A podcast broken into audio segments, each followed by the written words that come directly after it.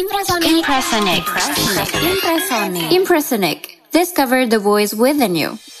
Hai Impressioners, selamat datang di episode keempat Impressionic, sebuah podcast bertemakan musik dan kesehatan mental para milenial, persembahan proyek musik dan masyarakat Konservatori Musik Universitas Pelita Harapan. Ya, jadi kita balik lagi nih sama gue, Wilma, dan teman-teman gue ada Catherine. Hai guys. Dan Sasa, si Micin. Halo. yes, dan kita bakal selalu menemani kalian nggak bosen-bosennya selama beberapa mundur menit ke depan. Yuk, kita cheer up dan terus semangat menjalani hari kalian. Nah, seperti biasa nih, kita mau ngasih tahu dulu bahwa konten-konten yang kita share lewat podcast ini tidak dapat dipakai sebagai referensi diagnosis mandiri maupun alternatif terapi. Jadi sekiranya teman-teman ada yang sedang merasa mengalami gangguan gitu secara psikologis, kami sarankan untuk segera berkonsultasi dengan tenaga profesional. Oke, okay, with that being said, yuk kita mulai aja. Let's begin. Impresonic. Impresonic. Impresonic. Impresonic. Oke, Sasa, Catherine, gimana kabar kalian? Masih ke joget-joget minggu lalu nih? Masih. Jempolnya masih goyang lah ya, jempolnya masih goyang. kan. Minggu lalu kan kita dangdutan Iya. kan. Jokinya juga masih ya, masih. Oh enggak enggak, kalau itu mah enggak. Masih inget aja nih Wilma nih. Oh iya dong. Tapi gue lagi sedih nih guys. Kenapa tuh? Kenapa tuh? Iya, jadi ya sebenarnya agak dodol sih. Gue tuh ceritanya abis nimbang berat badan tadi pagi. Waduh, Ah. waduh. Lalu-lalu hasilnya hasilnya. Tapi ya kalian tahu lah hasilnya seperti apa ya setelah pandemi ini. Jadi ya naik guys. Mengagetkan ya, Naik mengagetkan. guys. Jadi ya gue sedih aja gitu. Gue kebawa sedih aja dari tadi. Jadi kayak gue mau makan tuh rasanya kayak merasa bersalah banget Aduh. gitu. Tadi nyokap gue minta ini kan minta orderin pizza juga gitu. Terus gue kayak sambil milih menunya gue kayak aduh gak mau makan pizza tapi nyokap gue pengen beliin. Tapi, Tapi deep down kayaknya lu pengen ya. Oh iya jadinya beli kok. Jadinya gue udah makan tadi tiga slice kok. Tiga slice. ya ujungnya kalau makan ya juga tetap aja Eh, seneng. gimana caranya nanti olahraganya semuanya nggak punya waktu aduh balik lagi sih ke episode pertama Aduh. Aduh. Iya nih, stres jadinya. Tapi, well, oke lah. Of course kita ya kalau lagi seneng kita seneng kita juga seneng nih kalau misalkan kalian para pendengar lagi seneng Yes. tapi pastinya ada saat-saat tertentu yang bikin kita sedih nggak sih Pastinya ada lah ya. Dan biasanya kalau misalnya udah sedih atau galau gitu, orang-orang tuh kadang bisa jadi puitis banget gak sih? ah iya iya Ada gak sih dari kalian yang kayak gitu? ya mm-mm. cuman gue nggak mungkin puitis soal pizza tadi sih oh pizza Tiga slice. keju-keju anda yang mulur membuatku ketagihan. Aduh. Well, iya sih bener kayak yang Catherine bilang tadi, seringnya kalau orang lagi sedih atau galau ya, mungkin lagi diputusin sama mantan pacarnya atau kayak lagi sedih, ada tekanan di keluarga gitu kayak tiba-tiba tuh puisi tuh bermunculan gitu atau tiba-tiba ada yang bikin lagu nih bisa-bisa. Sa. Sa. itu apa set violin ya Tolong. Nah, makanya nih teman-teman, hari ini kita bakal bahas lagu-lagu sedih dan galau nih. Khususnya, kita bakal bahas di sini adalah musik indie Indonesia. Dan guys, minggu lalu kan kita berempat nih. Kali ini lebih spesial lagi. Kita berlima. Wow, rame banget. Iya. Heboh ya Kayak gue. lagi nongkrong di angkringan gitu ya, berlima gitu. Siapa aja tuh? Nah, karena kita ngebahas musik indie, kita juga ngundang temen-temen yang ternyata tuh terkenal banget loh di kalangan anak muda. Dan ternyata mereka tuh kayak terkenalnya bahkan sebelum aku kenal mereka gitu loh. Jadi kayak rasanya seneng banget sih bisa kenal sama mereka. Siapa ya? Siapa ya? Ya, langsung aja kita sapa mereka, Richard Ignatius dan Odelia Sabrina. Halo semuanya. Hai. Hai semuanya. Halo semuanya. Hai Kat, hai Sasa, hai Wilma. Iya nih, gimana nih kabar kalian? Baik, baik. Iya aku baik juga. Kalian gimana? Baik. Ya baik, baik, Puji baik. Tuhan baik. Boleh nih mungkin dari Richard sama Dea Hmm. perkenalin diri Ya. dulu nih. Mungkin kan ada yang belum tahu juga tapi ternyata di sisi lain ada juga nih fansnya Richard sama Dea yang juga dengerin dan pengen kenal lebih dalam gitu loh siapa sih Richard sama Dea itu boleh. Oke, siapa dulu nih Cat yang jawab nih? Boleh, boleh. Aku dulu kali ya. Oke, oke, Cat dulu. Halo, halo semuanya. Nama aku Richard Ignatius. Aku adalah seorang singer-songwriter. Terus aku juga eh sekarang berkuliah di UPH.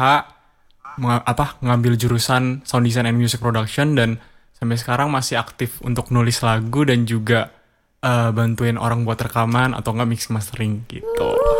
Mantap. Gimana kalau Dea, Dea? Oke, halo semuanya. Perkenalkan nama aku Adelia Sabrina.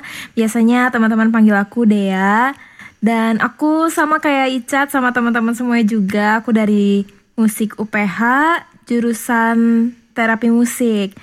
Dan mungkin em, teman-teman yang udah pernah kenal aku itu dulu karena aku udah pernah eh, berkarya di musik rohani tapi kalau buat umum gitu yang lebih sekuler gitu aku kayak baru mulai belajar nulis dan baru keluarin single itu baru tahun lalu Desember tahun lalu jadi aku juniornya Icat nih ceritanya Waduh. Sama aja sih ya. Sama-sama. Oke. Kalian produktif ya. Nah, Dea tadi ngomongin habis rilis single tahun lalu ya. Itu aku sempet sih dengerin ada judulnya tuh Tipto, terus ada sampai ada dua versi. Iya, bahasa Inggris sama bahasa Korea gitu. Iya. Nah, apa sih Dea yang bikin kamu pengen nulis lagu Tipto ini dan sebetulnya lagu ini tentang apa sih? Oke, jadi eh Tipto ini ya. Pertama tuh gara-gara sebenarnya gara-gara si Covid ini sih, si pandemi ini. Jadi Oke. kita dikasih waktu untuk merenung gitu kayak lebih banyak gitu loh di rumah. Karena nggak ke mana-mana kan. Jadi lebih banyak waktu luang. Nah pas eh, mikir itu tuh aku sering kayak nge-flashback masa-masa lalu eh, masa kecil aku masa SMP SMA gitu lah pokoknya. Terus sampai kayak mikir kalau misalkan gue nggak masuk musik tuh bakal gimana ya? Terus eh, tiba-tiba muncul gitu hal-hal yang aku sesalin dulu dan sesalin sekarang juga. Tapi eh, setelah beberapa hari mikir kayak gitu sampai nih di satu hari tiba-tiba kayak tercerahkan gitu. Kayak kalau misalkan apa pun yang aku pilih itu sebenarnya membentuk diri aku sekarang. Mau yang buruk mau yang baik itu tetap jadi bagian dari hidup aku gitu. Jadi dari situ aku belajar kalau apa pun yang udah pernah dilalui ya udah diterima aja karena kalau nggak ada mereka si pilihan-pilihan aku itu nggak bakal jadi deh yang sekarang gitu Wah, keren banget. Apa pun yang terjadi mau baik ataupun buruk itu gimana pun tetap membentuk kita gitu siapa dan bisa mengantarkan kita sampai kita yang sekarang gitu ya, terutama si Iya, Dea benar. nih. Keren, keren. Nah, Richard belum lama ini juga rilis single ketiga ya. Yes. Judulnya Mampu Bertahan. Yes, bener. Aduh, tentang apa nih Richard nih? Bertahan tentang apa Oh, iya. sih? iya, jadi eh basically nih lagu ini soal surviving ya. Maksudnya ini tapi dibungkus dengan apa lagu romansa kan. Ini ceritanya abis diputusin gitu ya, abis ditinggalin, abis diselingkuhin. Terus ceritanya ini lagu muncul pada saat eh, seseorang itu lagi sendiri gitu, lagi merenung kayak, ah kok masih wondering kok kita udah nggak bareng lagi, kok udah berpisah lagi, tapi uh, dalam lubuk hati itu kayak masih mau pertahanin dia gitu. Jadi sebenarnya nih lagu uh, terinspirasi juga sama uh, masa lalu aku, jadi relate gitu. Tapi udah udah nggak dalam jangka waktu apa dekat ini. Nah tapi mungkin karena itu juga akhirnya dibuat bareng-bareng sama uh, produser aku namanya Stephen Christian. Jadi lagu ini gitu. Oh, I see. Emang nggak mudah ya buat move on gitu. Pengennya tuh bertahan aja gitu loh, udah nyaman. Itu dia. Gitu ceritanya. Nah ini berarti bakal relate ya sama topik kita nih ngomonginnya musik yang galau gitu ya kan kayak agak galau juga Mampu ya berarti. bertahan ya. Hmm. Inspirasi kalian siapa sih buat pengen berkarya, bikin lagu-lagu yang udah kalian rilis gitu? Boleh mungkin dari Dea dulu. Oke, aku dulu ya. Em, kalau aku pertama dari teman-teman aku sih dari eh, Karin, dari Icat, dari semuanya yang udah pernah keluarin single Eh, dan mereka kayak encourage aku gitu. Ayo deh ya bikin karya, bikin single. Terus akhirnya tergerak juga nih buat bikin si Tipto ini kan. Tapi kalau untuk em, role model gitu ya yang aku idolakan itu bisa ditebak sebenarnya dari lagu aku. Jadi em, kan lagu aku yang pertama keluar itu kan Korea. Jadi emang aku pengen aja gitu bawa eh, vibe Korea gitu ke industri musik Indonesia dan yang dan yang menginspirasi aku itu Ayu. Oh, Ayu.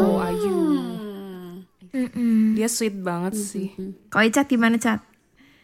Kalau dari aku, eh, pastinya bener ya dari musisi-musisi ter- eh, yang pasti dari musisi-musisi, terus teman-teman juga, terus senior, senior UPH khususnya, eh, mereka support juga. Terus eh, kalau role model sih eh, dari pertama mulai berkarya, eh, inspirasi aku sama almarhum Glenn Fredly. Oh, Aku ngerasa dia eh, aku jadiin role model karena bener-bener dia nggak cuman bermusik aja, tapi dia juga care sama orang lain gitu loh. Maksudnya dari karir dia tuh kelihatan dari dia cara manggung juga penyampaian segala macam. Jadi istilahnya satu paket itu almarhum Glenn Fredly bener-bener jadi inspirasi aku dari awal gitu. Hmm, salut banget sih. Dia Yes. emang apa kayak gak ada yang bisa nandingin gitu loh. Jiwanya tuh emang dibawa banget di panggung. Bener banget. aku mau tanya dong. Kita dari tadi ngomong eh, musik ini, musik indie kan misalnya gitu. Orang tuh kadang suka ngomong, ih kamu tuh indie banget deh orangnya gitu. Sebetulnya musik indie tuh apa sih? Itu tuh genre atau kayak jenis musik gimana Siapa gitu? dulu nih? Oke. Eh, dari aku dulu kali ada ya. Oke boleh boleh. Kalau menurut aku eh, musik indie itu lebih ke interpretasi kita sih, gaya hidup kita. Kalau dibilangin musik indie itu genre, kayaknya aku kurang setuju deh. Karena menurut aku indie itu adalah cara kita hidup gitu loh. Dari kata indie kan independen, jadi kita benar-benar mandiri gitu secara secara mandiri. Terus kita bisa bebas gitu, bebas berekspresi gitu. Jadi menurut aku musik ini tuh eh, independen dari kita sendiri, jadi bukan dikotakan dalam genre gitu sih kalau dari aku. Iya benar-benar. Em, Emang bukan kan emang banyak perdebatan gitu kan kayak indie tuh genre atau apa sih sebenarnya. Nah aku juga setuju sebenarnya sama Icat. Tapi mungkin orang-orang tuh banyak yang denger jadi kayak kebayang nih kalau indie Indonesia kayak gimana, kalau indie Barat kayak gimana. Dan aku sendiri pun ngerasa kayak gitu. Kayak eh kedengeran banget ya ini indinya Indonesia gitu kayak emang dari apa ya uh, vibe-nya dari pilihan instrumennya dari pilihan melodi dan chordnya gitu juga emang kayak ada ciri khasnya sendiri gitu. Ah, sih I see, I see. Kalau gitu, uh, menurut kalian tuh seberapa besar sih minat masyarakat sama musik indie? Karena kan kesannya tuh kayak tadi Icat bilang musik indie tuh musik yang independen dan sesuai perasaan kita ya tadi bilangnya kalau nggak salah ya. Mm-mm. Itu tuh gimana sih? Apakah masyarakat Indo sih terutama itu punya minat yang besar terhadap musik indie? Oke. Oke. Mungkin aku jawab dulu kali ya. Boleh, boleh. Oke, kalau menurut aku minat dari pendengar-pendengar musik di Indonesia tuh tinggi banget sih terhadap indie. Apalagi eh, s- menurut aku semakin ke sini ya dari beberapa tahun terakhir itu jadi lebih sering diapresiasi dan bahkan aku sendiri tuh telat tahu musik-musik indie ini. Aku waktu itu tahu tentang indie tuh tahun 2017 dan sedangkan itu kalau nggak salah Synchronize Fest itu udah jalan tahun yang kedua deh. Kedua apa ketiga gitu. Jadi kayak wah ternyata banyak banget nih eh, musisi-musisi indie Indonesia yang hebat-hebat banget. Dan sejak dari situ baru mulai berkembang lebih pesat lagi dan pendengarnya juga makin banyak. Yes. Setuju sih kalau ngomongin minat masyarakat Indonesia terhadap musik indie, kalau aku bandingin bukan bandingkan ya. Maksudnya kalau se pendengaran aku, se observe aku sama situasi sekarang mungkin mungkin ya musik indie itu belum sebesar major label. Maksudnya belum di posisi major label. Nah, tapi Oke. Ka- Tapi kira-kira mulai dari tahun yang tadi dia bilang mid sampai late 2010-an itu musik indie tiba-tiba naik gitu loh. Bener-bener cukup dihargain, diapresiasi, bahkan munculin kayak bintang-bintang baru, musisi-musisi baru gitu. Yes, Dan betul. apa ya? Menurut aku aku yakin sih kayak ke depan musik indie bakal makin besar lagi gitu. Pasti bakal diminati lagi. Apalagi sekarang kan kayak musisi-musisi indie itu bisa bikin label sendiri buat produksi, Yes. buat distribusi lagu mereka juga. Jadi kemungkinannya tuh besar banget ke depan gitu sih Ah, I kalau menurut aku. Kalau yang kalian lihat kebanyakan tuh musik indie tuh ngangkat tema apa aja sih? Hmm, macem-macem ya Cat ya? Iya. Iya macem-macem sih. Kalau contohnya aja nih dari kita berdua nih, aku lebih tentang self growth gitu sih aku tujuannya. Kalau Icat mungkin lebih ke relasi dengan orang lain, re- bisa relasi dengan diri sendiri juga, dan Yes. ada juga yang tentang Indonesia, tentang rumah kita di Indonesia, tentang eh, rumah rumah yang dalam artian keluarga gitu banyak banget sih. Jadi luas banget sih temanya. Iya. Jadi benar-benar luas banget ya. nggak ada batasan gitu Bisa sih. apa aja. Iya, betul. Karena pribadi itu juga sendiri ya individu ya. Berarti bisa dibilang kayak sebetulnya apa namanya temanya itu luas, tapi setiap musisi indie ini kayak punya Masing-masing. visi yang spesifik Iya, gitu ya. Betul. di musiknya. Hmm. Dan kalian sendiri bisa mengkategorikan kalian diri kalian sebagai musisi indie juga. Bener. Iya, Yes, benar. betul. Heeh. Oh, oke oke menarik menarik. Oke, aku mau nanya nih, eh, Richard dan Dea, kalian kan sebagai musisi kan sering pasti bikin lagu gitu ya, songwriting, dan apalagi pas lagi pandemi gini kan banyak inspirasi gitu ya, kayak kalian barusan juga tadi udah bilang. Makin produktif. Yes, gitu, which is good gitu ya. Nah, seberapa sering nih kalian sebagai songwriter itu nulis lirik yang galau atau sedih? Boleh tahu nggak? Hmm. Gimana Cap? Icat dulu deh.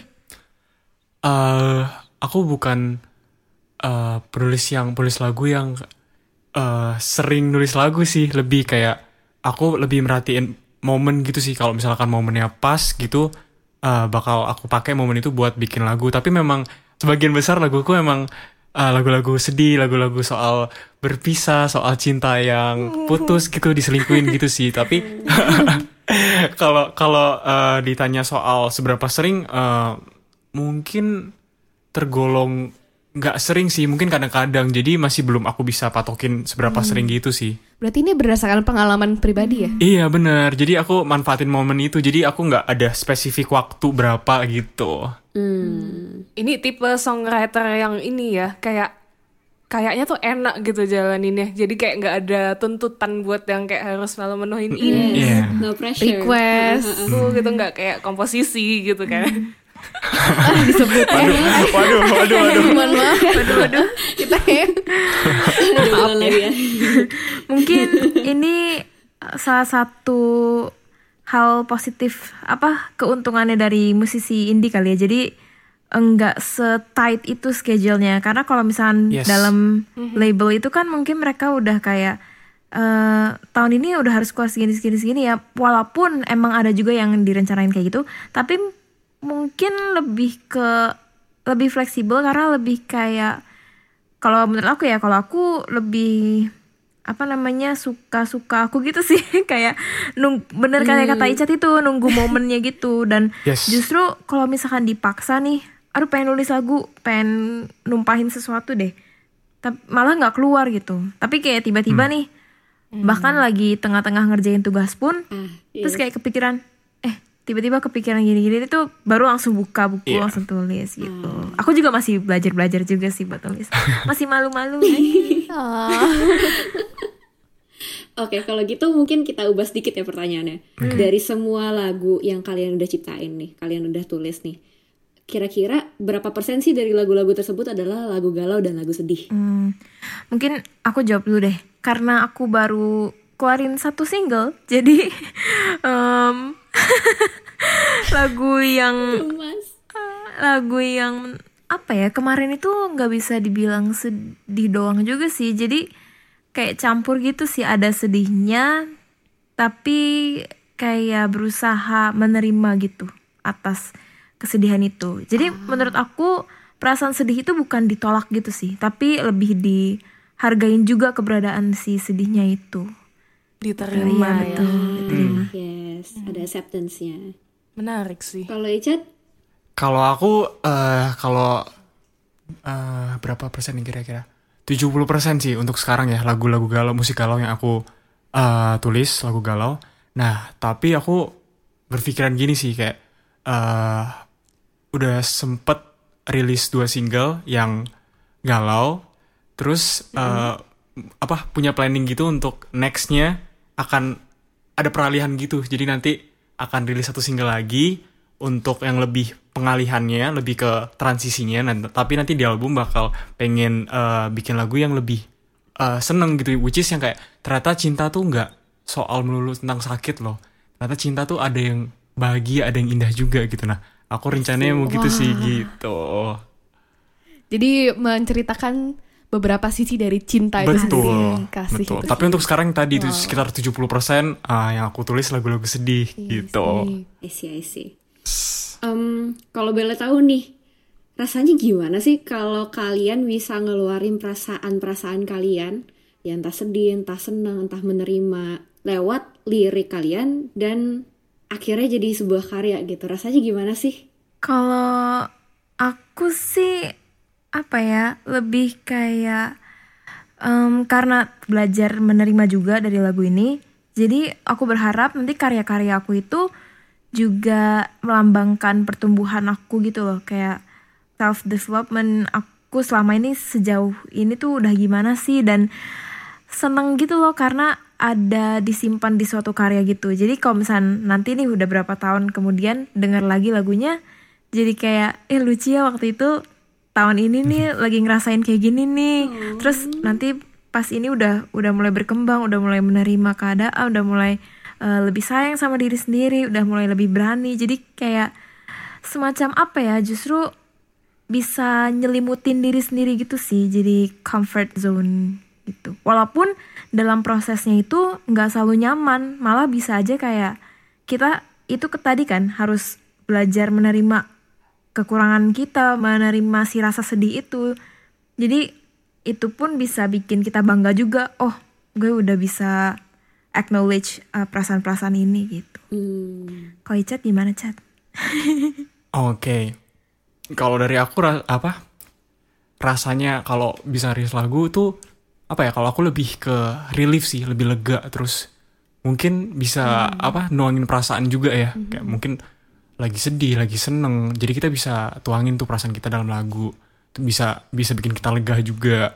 Terus bisa juga eh, setelah kita buat lagu nih bisa menjadi penguatan buat orang lain gitu. Mungkin dari eh, value yang kita tanamin di lagu ini. Jadi bisa jadi dampak positif buat teman-teman yang dengerin gitu. Setuju setuju. Terus apalagi ya? eh yang tadi lega, terus juga bisa eh, ngelepasin misalnya kalau kalau orang lagi dengerin ini lagu galau. Gak tau ya orang kan beda-beda, tapi menurut aku eh, ada orang yang bisa interpretasiin kalau eh, dengerin musik lagu galau itu bisa ngelepasin kesakitan yang udah kita rasain. Jadi menurut aku musik galau itu nggak selalu buruk sih. Mungkin itu juga bisa in, in positifnya itu bisa ngelegain hati kita yang udah sakit gitu sih. Kalau kalau malah aku gitu jadi sih mikirnya. media untuk nyampein perasaan mereka gitu kan Cat Yes. dan lucu juga Benar. kayak seneng gitu loh kalau misalkan kita tahu pendengar-pendengar lagu kita itu juga merasakannya hal yang sama jadi bisa saling Relate, support. relate. iya bisa relate gitu Yes.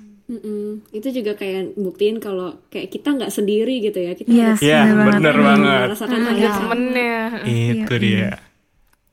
Nah, tadi kan udah ngomongin perasaan nih. Nah, sebetulnya seberapa jauh sih kita bisa jujur sama perasaan kita? Ada nggak sih kayak misal batasnya gitu? Kalau misalnya kayak kita udah Oke, gue udah sedih nih dan gue udah lega gitu. Apakah masih boleh ngedengerin lagi gitu loh lagu-lagu sedih gitu atau uh, sebaiknya gimana sih gitu? gimana siapa dulu nih Cat Mungkin dari aku dulu kali ya. oke boleh boleh eh kalau dari pandangan aku nih, justru kalau dalam melampiaskan emosi kita, perasaan kita, terus musik yang kita buat, kita justru kalau menurut aku ya harus benar-benar sejujur-jujurnya sih.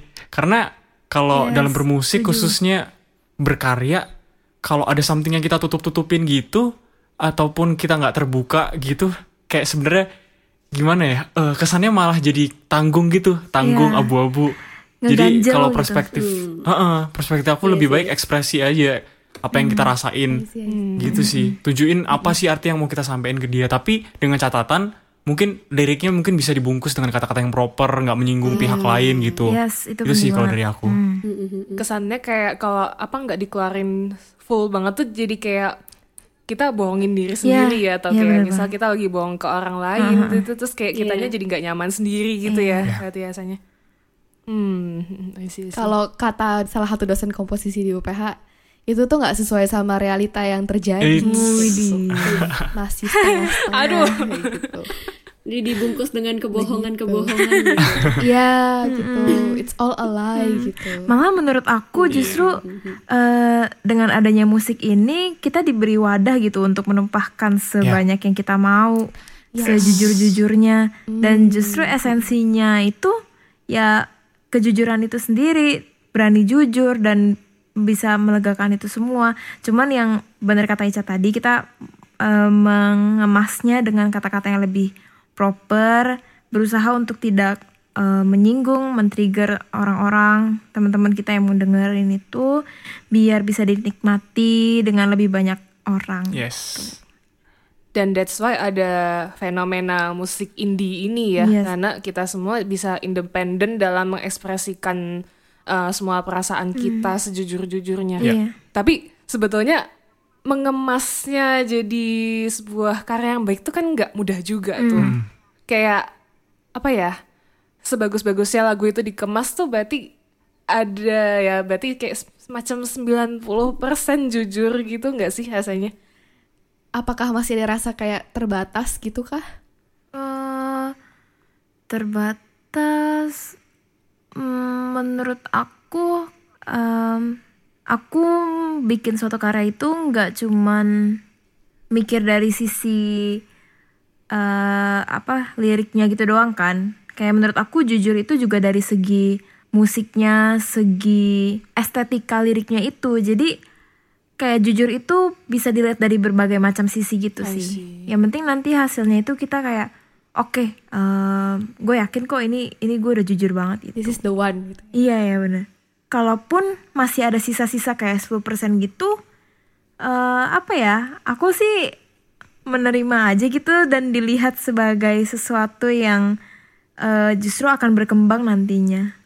Jadi buat pelajaran-pelajaran ke depannya gitu, ditambah-tambah terus gitu. bisa dikembangkan sama yang lah yang mendengarkan gitu Iya, ya. Jadi- karena kan interpretasi orang kan beda-beda. nih. iya sih, setuju setuju. Betul betul. Menurut kalian gimana nih lirik-lirik sedih yang jujur banget ini bisa berdampak kepada kondisi mental para konsumen, jadi audiens yang mendengarkan. Uh, kadang-kadang kan kalau kita denger lirik yang jujur banget mungkin kayak rilis banget gitu kayak sampai nangis banget gitu atau kayak menurut kalian ada nggak sih uh, potensi untuk lagu-lagu yang sedih dan jujur ini kayak malah jadi bikin orang down gitu loh pas lagi Bumerang mendengarkan malah itu. jadi Malah jadi bumerang efek negatif gitu. Mhm. Iya. Oke. Eh, kalau dari aku eh, ada beberapa faktor ya yang bisa mempengaruhi dampaknya itu ke pendengar. Kayak momen yang tadi aku bilang momen, tiba-tiba, tiba-tiba nih, tiba-tiba banget, tiba-tiba kita baper gitu, kita dengerin lagu out of nowhere, tiba-tiba nangis gitu, tiba-tiba sedih. Nah itu momen itu kadang bisa datang gitu. Nah terus bisa juga eh, throwback, throwback kayak masa lalu kita gitu. Ini aku kalau boleh sharing dikit, dulu tuh aku pernah deket sama seseorang wanita. Nah, dulu tuh aku pas PDKT sama dia, aku tuh selalu dengerin lagunya, bukan selalu sih, kayak sering dengerin lagunya. Lagunya tulus, judulnya Seribu Tahun Lamanya. Nah, karena sering dengerin bareng dia, itu jadi bener-bener, apa ya, keinget terus. Jadi sekarang kalau dengerin lagu itu, keingetnya tuh memori bareng dia gitu. Jadi se- Oh impactnya se- sebesar itu gitu. Gitu. Aku juga aku juga cat. Iya kan, bener kan? relate, can relate. Nah, itu kan eh, throwback kan masa lalu. Terus ada juga bisa relate gitu. Relate tadi udah sempat dibahas kayak pernah pernah terjadi bahkan sedang terjadi. Nah, itu jadi mungkin eh, lirik lagu sedih itu bisa relate sama kita. Terus eh, apa ya? Ada penyanyi nih, ada penyanyi misalkan di kafe atau enggak di mana lah orang nyanyi tiba-tiba dia tuh nyanyinya tuh pakai rasa banget. Nah, itu tuh bisa apa ya? Pengaruh banget ke kita gitu. Tiba-tiba kita denger dia tuh pakai rasa, kita jadi nyampe gitu pesannya lebih dalam lagi. Nah, itu uh, salah satunya juga tuh. Nah, dari beberapa faktor tadi itu uh, menurut aku semua orang punya beda-beda ya. Tiba-tiba orang yang tadi bisa dapetin momen, terus throwback masa lalu. Nah, tapi ya itu berdampak banget uh, faktor-faktor itu. Contoh misalkan uh, pendengar nggak cuma lagi patah hati, tapi dia juga lagi uh, apa ya ngalamin masalah keluarga juga, lagi ngalamin baru baru dipecat, Ya, terus lagi berantem sama temen. Nah, faktor-faktor itu tiba-tiba dateng nih ke kita ke pendengar. Nah, itu kadang bisa nge-trigger kita tuh jadi makin deep ngerasainnya, makin Yes. eh, masuk semua lah. Jadi kayak makin baper gitu, gampang baper gara-gara kita lagi ngalamin kondisi di mana kita lagi di puncak sedihnya, kita lagi di problem yang parah gitu sih. Itu bisa sedampak itu sih lirik lagu sedih. Wow, jadi tuh dari sini tuh kita bisa tahu kalau sebenarnya musik tuh emang powerful banget ya. Yes. banget Sampai banget banget banget kayak gitu. banget aku juga mau sharing dikit mirip sama Icat jadi aku tuh tipe orangnya justru suka sama lagu itu bukan sepenuhnya karena lagunya enak doang dan liriknya bagus tapi karena memori yang tersimpan dalam lagu itu jadi contohnya lagu ini enak nih tapi memorinya sedih. Aku bisa kayak aduh nggak mau denger lagu itu. Karena pas denger pasti sakit banget. Bisa seakan-akan tuh si rasa sakitnya ini atau trauma-traumanya tuh langsung kerasa semua. Iya. langsung balik lagi gitu. Nah kebalikannya. Kalau misalkan lagunya tuh biasa-biasa aja nih kayak oh, oh aku suka sih. Tapi ya nggak yang sampai gimana banget. Tapi memorinya indah dan bikin pengen denger lagi. Nah itu bisa jadi lagu yang aku suka banget kayak gitu. Sama kalau lirik lagu sedih berdampak kepada kondisi mental konsumen menurut aku balik lagi ke pendengarnya masing-masing sih ke konsumennya masing-masing. Ya. karena kalau kayak aku nih misalnya sebelum belajar untuk nulis lagu dulu tuh aku jarang banget dengerin lirik jadi aku lebih ke tipe orang yang dengerin melodinya Eh, sama dong. oh seriusan Chat? sama. aku juga iya. Sama sama. Wah banyak Kirain tuh Yes. aku doang Terus aku merasa kayak Ah penyanyi apaan nih gak dengerin lirik gitu kan Aku jadi kayak hmm, Minder Ternyata banyak yang kayak gitu ya Iya Aku tuh em, Lebih ke melodinya gitu sih Dan Melodinya juga Menurut aku bisa Ngaruh juga sih ke Apa Ke perasaan kita gitu Karena Ya itulah kuatnya musik kan Dia bisa mainin not ini aja tuh bisa bikin kita kayak gimana gitu. Aduh. Pokoknya Setuju, setuju, setuju, angkat tangan deh setuju sama banget. musik. Ada eh ya Setuju juga. banget. Iya, nyes banget. Angkat tangan lah. Nah, maksudnya kalau misal melodi itu nggak berdampak, gue gua keinget aja sih sama lagu kemarin yang kita pernah bahas juga. Tapi sekelibet doang. Yang gue hanya Lagu Mawang.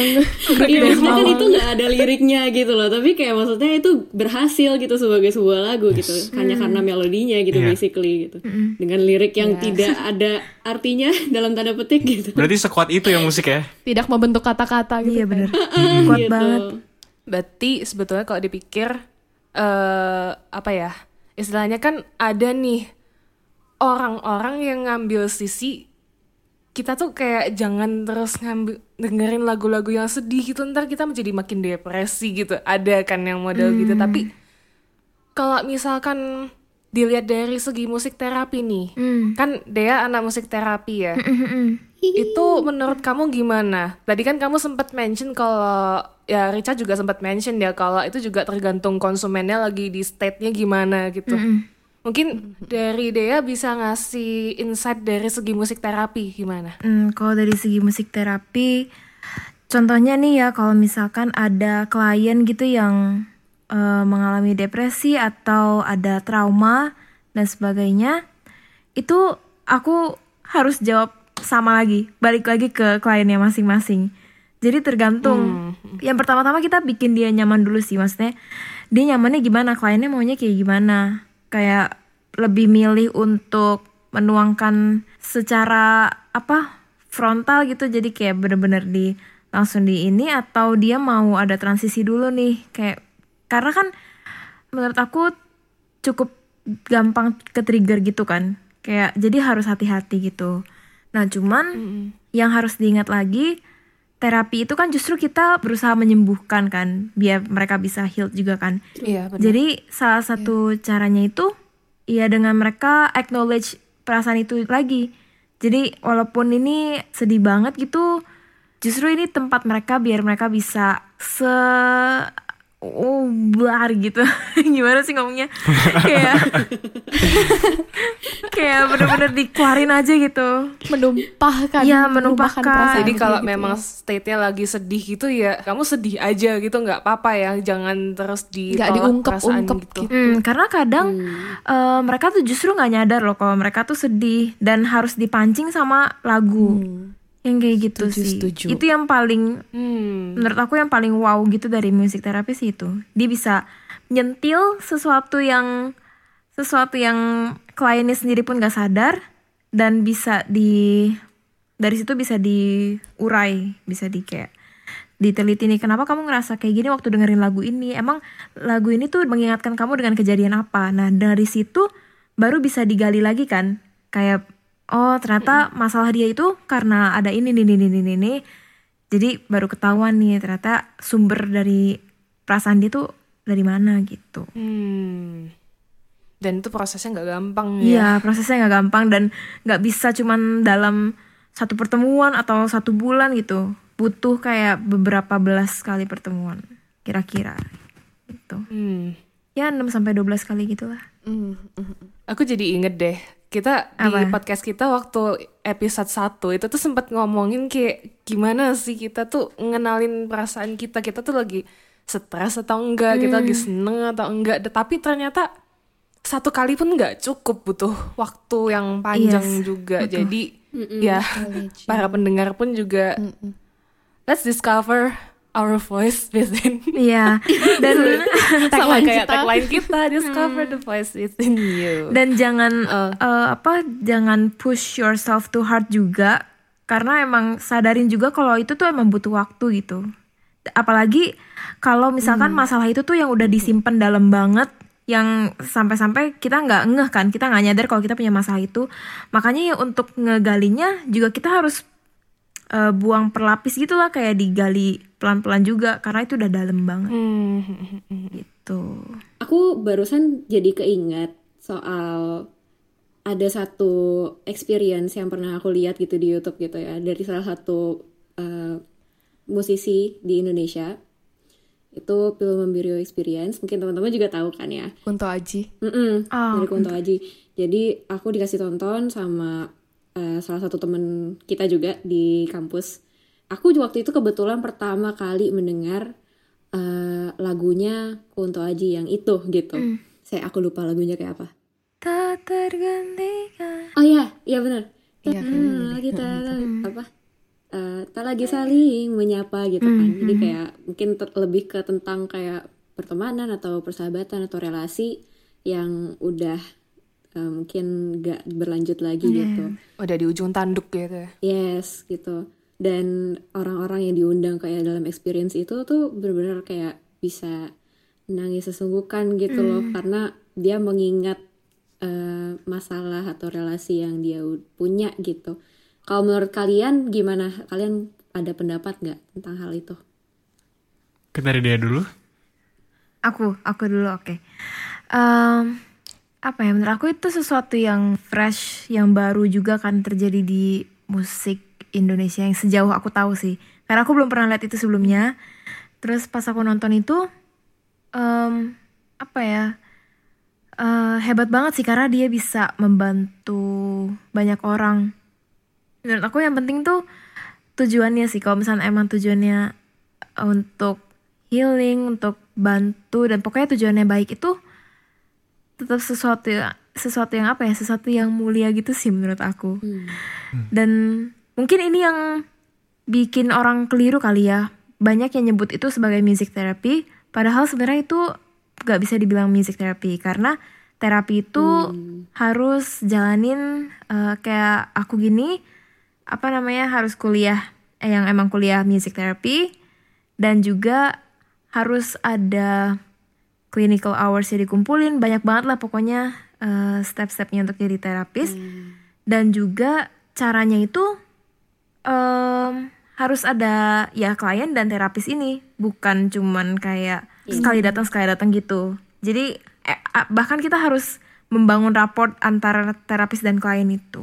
Itu baru bisa dibilang music therapy. Kalau yang kayak Kunto Aji itu mungkin lebih ke music and healing sih ya menurut aku. Ah, jadi itu beda lagi gitu ya, Iya. nggak bisa disamain. Mm-mm, karena music and healing juga kita bisa ngelakuin sendiri juga sebenarnya di rumah kayak dengerin musik ya salah satu caranya misalkan lagi sedih terus dengerin musik yang galau itu kan juga bisa bantu kita Yes. buat lepasin uh, emosi kita. Em, kalau dari aku sih, aku lebih pengen ngebahas soal impactnya ya. Kenapa bisa sampai segitunya tadi ya sasananya. Kalau menurut aku, ya tadi balik lagi karena seorang Kunto Aji itu bener-bener nuangin apa yang dia rasakan dalam lagu, apalagi eh, dia sebagai penyanyi itu bener-bener karena dia merasakan, karena dia sendiri yang ngalamin. Jadi menurut aku tuh bakal lebih mudah untuk kasih ke pendengar dan akan lebih mudah nyampainya karena ya tadi balik lagi karena dia sendiri yang ngalamin, dia yang nulis sendiri dan dia yang nyanyiin.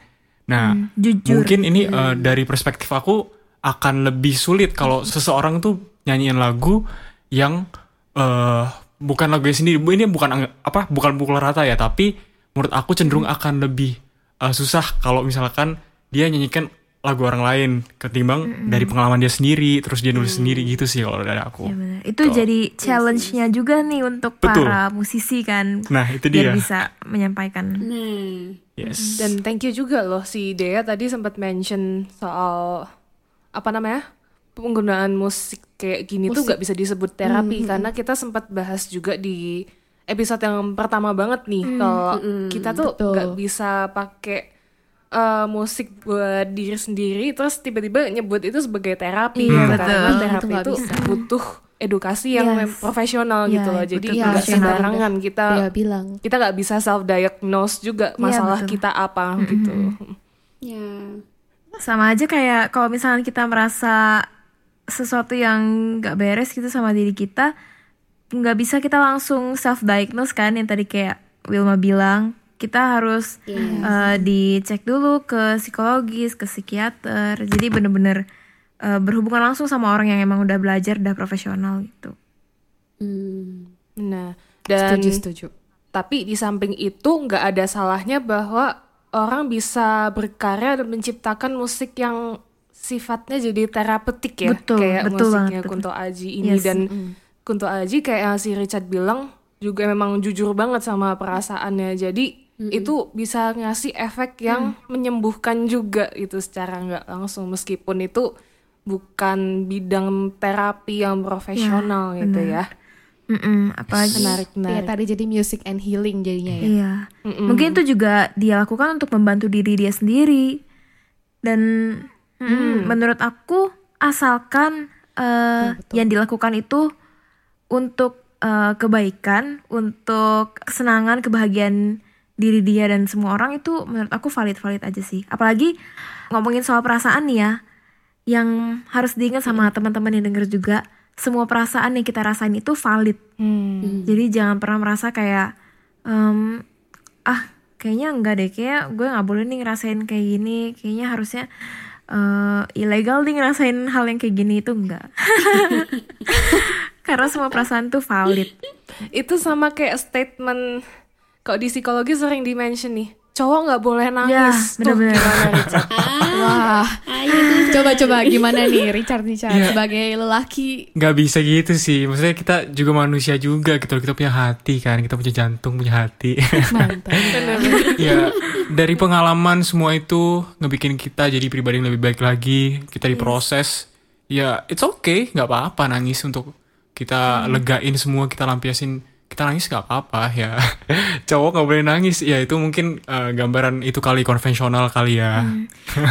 Dan ini yang juga yang bikin orang-orang terutama cowok jadi makin gak bisa gitu untuk ekspresiin perasaan dia dan Hmm, menurut aku setuju. ini malah bisa jadi bahaya loh kalau misalkan berkelanjutan kayak gini dan Betul betul. makin sering dia nutupin perasaan diri dia sendiri tuh bakal bahaya banget sih malah jadinya. Hmm. stigma-stigma kayak gini nih yang harusnya ditepis Iya, ya. betul. Harus dibuang. Harus lebih aware loh orang-orang. bener sih soalnya kayak ada sih kayak relasi terdekatku ini memang cowok dan aku tuh sampai nggak bisa tahu dia tuh sebetulnya lagi ngerasain apa. Jadi kayak hari-harinya itu tuh mungkin dia tuh banyak pikiran tapi dia jadi distract dengan hal-hal lain supaya dia kayak eh, nggak menyatakan dia tuh lagi ngerasain apa gitu. Hmm. Can relate though. Hmm. I've been in that state, yes. Oh. Aduh, kayaknya kita bisa jadi calon klien dia ya kalau gini.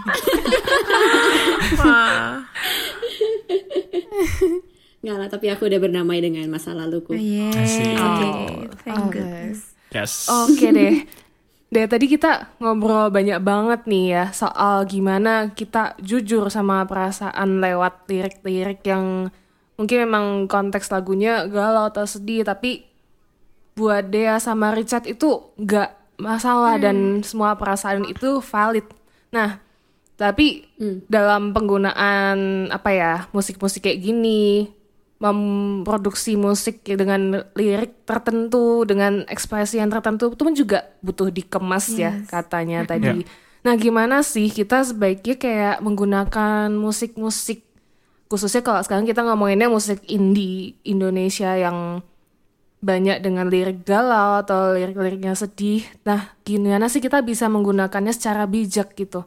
Kan tadi apa namanya si Dea juga sempat ngomong nih kayak perasaan kita tuh valid. Nah, kita butuh seberapa jauh sih memvalidasi perasaan kita lewat lirik kayak gitu? Oke. Dari aku dulu kali ya, Dek, ya. Oke boleh. Em, kalau menurut aku kita tuh eh, harus punya fondasi dulu sih. Kita harus punya fondasi, kita harus punya tujuan, tujuan yang kuat kalau musik itu kendaraan kita aja gitu, kendaraan kita dalam nyampein cerita kita, emosi kita. Nah, kita juga harus tahu nih porsinya, kita harus tahu nih batas-batasannya mana sih yang wajar, mana yang udah nggak wajar nih kita harus tahu gitu. Nah dari batas-batas tersebut eh, kita jadi punya gambaran gimana sih kira-kira kalau bikin musik itu ngasilin dampak yang segi- segimananya. Ya yang pasti eh, sebagian besar musisi pasti pengen ngasih dampak yang positif kan ke pendengarnya. Nah kalau contohnya kalau boleh sharing laguku yang udah aku bikin setia menunggumu sama mau bertahan itu misalkan uh, setia menunggumu setia menunggumu tuh uh, lebih ngedepanin kesetiaan value-nya. Terus kalau mampu bertahan yang tadi aku udah bilang surviving gitu nah. Nah uh, apa ya dari awal tim production aku dan aku tuh pengen di garis yang sama gitu. Kalau sebisa mungkin kita ngebikin suatu karya itu yang punya value yang punya value tinggi dan ada moral pesan yang bisa kita petik. Jadi pendengar tuh bisa oh setelah dengerin lagu ini uh, ada maksud ini nih gue dapet ini nah gitu tuh. Nah itu yang pengen ditanamin loh nah terus uh, bukan bukan cuman soal cinta-cintaan sih maksudnya udah banyak banget pastian musisi artis yang bikin lagu soal cinta tapi menurut aku bukan cuman bikin soal lagu-lagu cinta itu tapi apa ya apa aja gitu apa aja yang kita bikin bikin as long itu ada purpose dan bisa ngasih good insight yang tadi dia bilang sih.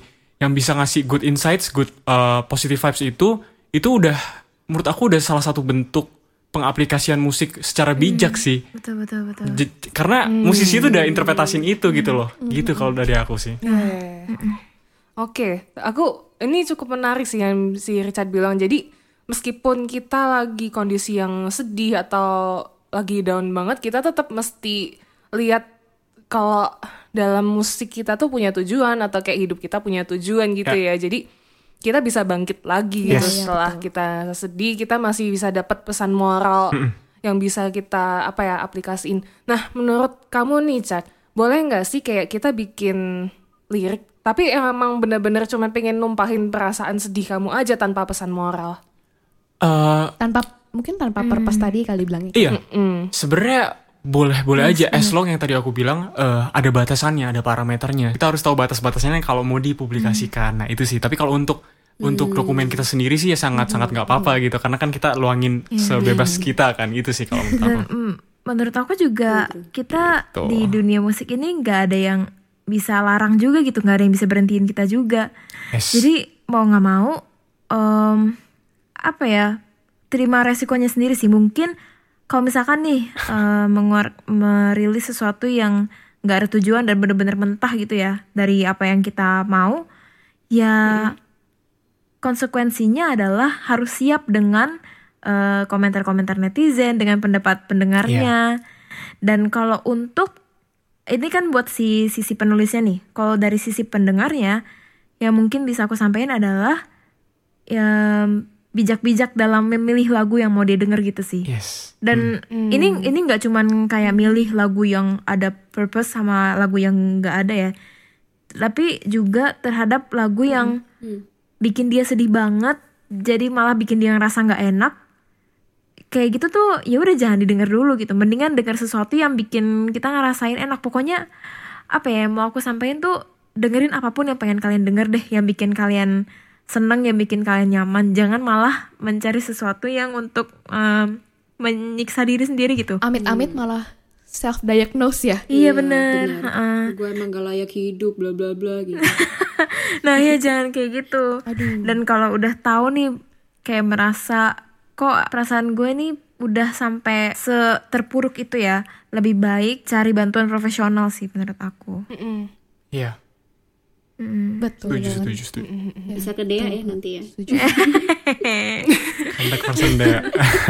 oh tapi music therapy itu nggak bisa ini loh. Jadi kita nggak boleh eh apa menterapi bekerja dengan seseorang yang kita kenal. Jadi kita harus nggak boleh kenal. Hmm. Oh gitu. Kenapa?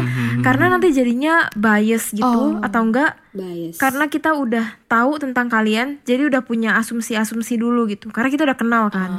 oh, jadi gak objektif gitu ya Iya, jadi nggak objektif. Jadi harus bener-bener kayak kertas putih kosong gitu lah melihatnya gitu. Ya udah kita pura-pura nggak kenal dulu ya. Baru saling mengenal, eh, menggali juga dari pasiennya kayak Iya, gitu ya. tapi tetap dengan batasan eh, hubungannya itu terapis dan klien ya gitu. Tidak lebih dari itu. Oh ya, betul betul. Oke, berarti dari pembicaraan kita dari tadi sebetulnya kayak kita tuh nggak apa-apa kalau mau mengekspresikan rasa sedih kita atau eh, suasana hati yang lagi galau lewat lirik-lirik lagu atau kita sambil dengerin musik-musik yang emang galau gitu itu nggak apa-apa dan perasaan kita semua itu valid gak ada yang disalahkan ya tapi untuk menggunakan musik musik tersebut kita juga perlu punya tujuan. Karena tanpa tujuan ya kita jadi ujung-ujungnya bisa kayak lepas kontrol gitu ya istilahnya. Jadi kita malah perasaan kita juga bisa jadi ke mana-mana gitu.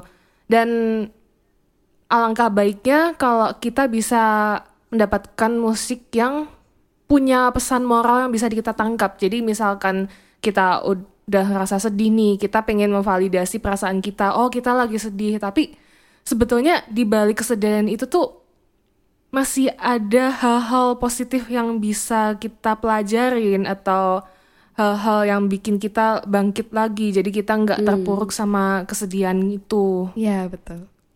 Nah, eh, dari Richard sama Dea, ada nggak sih pesan-pesan dari kalian? Mungkin ada pesan lain gitu ya selain pembicaraan kita tadi buat para pendengar podcast Impersonic ini. Oke. Oh, Siapa nih? siapa? Aku siapa dulu nih? deh. Deh dulu ya. Home Pimpa dulu. Oh, Home Pimpa. Hobi banget. Gamsweet lah, Gamsweet. Kalau hobi pak bertiga. ya Oke udah, deh udah, dulu udah, udah. ya. Em, aku pesan-pesannya apa ya bijak-bijak dalam memilih lagu yang kalian dengar dan dengerin kata hati. Lagi pengen dengerin lagu apa ya udah dengerin aja. Eh, dan kalau misalnya udah merasa nggak enak sama lagu itu, ya udah nggak usah didengerin. Jadi lakukan apa pun yang kalian mau, lakukan apa pun yang kalian suka. Pokoknya do whatever yang makes you feel better gitu sih. Sama aku boleh nggak ngebahas sedikit tentang yang tadi yang di awal Sasa ada cerita tentang pizza. boleh dong, boleh, gimana boleh. gimana boleh dong boleh dong Nah, ini jadi aku juga akhir-akhir ini lagi sering mengangkat tentang awareness terhadap eating disorder. Jadi menurut aku apa ya? eh, walaupun nih sebenarnya hal-hal biasa aja gitu kan. Mungkin tadi lebih kayak cuman lucu aja gitu. Kalau ya kita kan wajar ya orang kalau misalnya makan abis ngeliat timbangan terus jadi merasa bersalah gitu-gitu. Tapi eh, harus diingat buat jangan sampai cenderung menyiksa diri misalkan dan jadi terus merasa bersalah gitu kalau mau makan padahal eh, kita yang namanya manusia ya hidup butuh makan gitu kan dan Yes. jangan tadi aku sempat dengar nih Sasa ngomong kalau aduh makan pizza ini nanti harus olahraganya kayak gimana. Nah, itu juga jadi jangan sampai kita mikir dan merasa kalau olahraga itu malah jadi sebuah hukuman buat kita.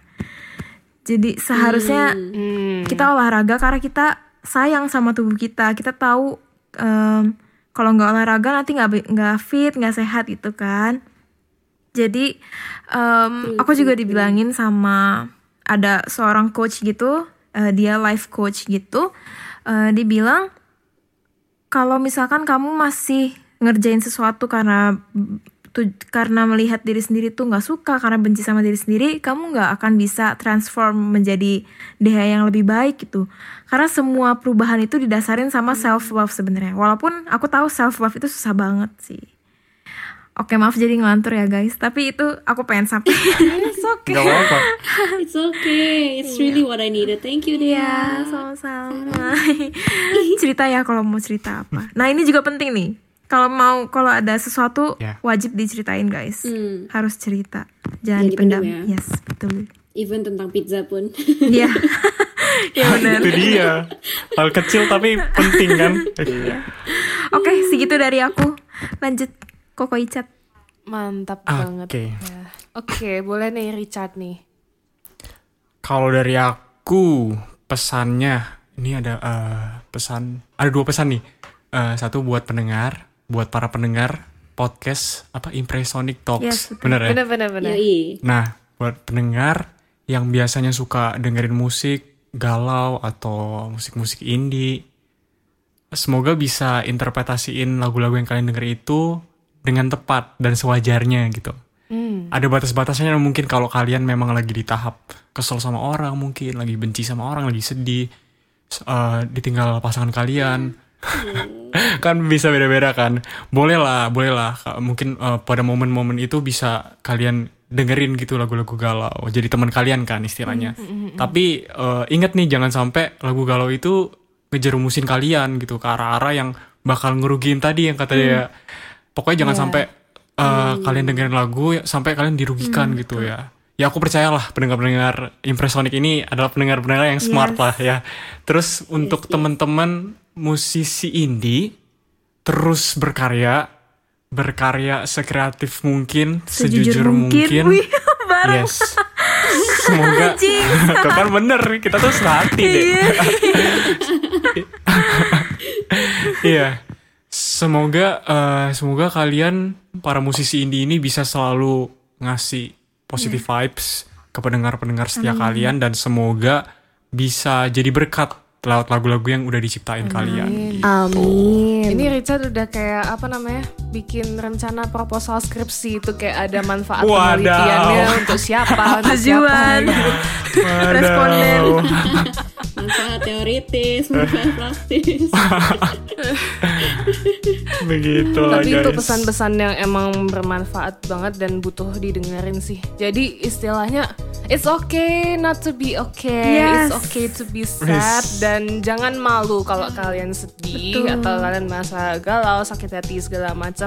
Tapi kita juga perlu tahu nih ada hal-hal yang bisa diangkat lagi supaya kondisi kesehatan mental kita, wellness, well-being kita bisa meningkat lagi, bangkit kembali. Oke, thank you banget buat kalian semua yang udah dengerin episode keempat Impresonic ini. Thank you banget juga buat Richard sama Dea yang udah bersedia sharing bareng kita hari Thank ini. you banget. Thank you. Thank you semuanya. Thank you, thank you. Ya, sekali lagi kami juga mau memberitahu kalau podcast ini nggak bisa dipakai sebagai referensi diagnosis mandiri maupun alternatif terapi. Hmm. Sekiranya teman-teman kalau ada yang ngerasa ngalamin gangguan secara psikologis, kami sarankan untuk segera berkonsultasi dengan tenaga profesional. Yes. Nah, di episode selanjutnya kita juga bakal ngebahas musik yang ada liriknya. Ekspresif juga, tapi kali ini gak sedih-sedih lagi. Apa dong? Apa tuh? Biasanya kalian kalau udah kesel ngapain? Emosi kan, marah-marah kan. Manjat tembok. Waduh, ini vulgar banget. Pengen tak gitu loh. Gimana gimana? Pengen tak hih gitu ya? Minggu depan kita bakal bicarain gimana kita bisa ngungkapin kemarahan kita lewat musik. Mantap. Dan tentunya lewat jenis-jenis musik yang menarik juga. Ah, penasaran kan? Makanya, stay tune setiap Senin jam 5 sore waktu Indonesia bagian Barat. And please consider following us here on Spotify and on Instagram at impresonic underscore talks. Nah, yang mau follow Richard sama Dea juga bisa nih. Boleh, boleh, sambil dipromote. Wes kalian ya. Dea IG-nya apa? Aku at Dea Sabrina T. Richard at Richard Ignatius apa chat? Kalau aku ya? eh, Instagramnya at Richard Ignatius Oh underscore. benar, oke. Kalian juga bisa dengerin lagu-lagu mereka di berbagai platform musik. Yes.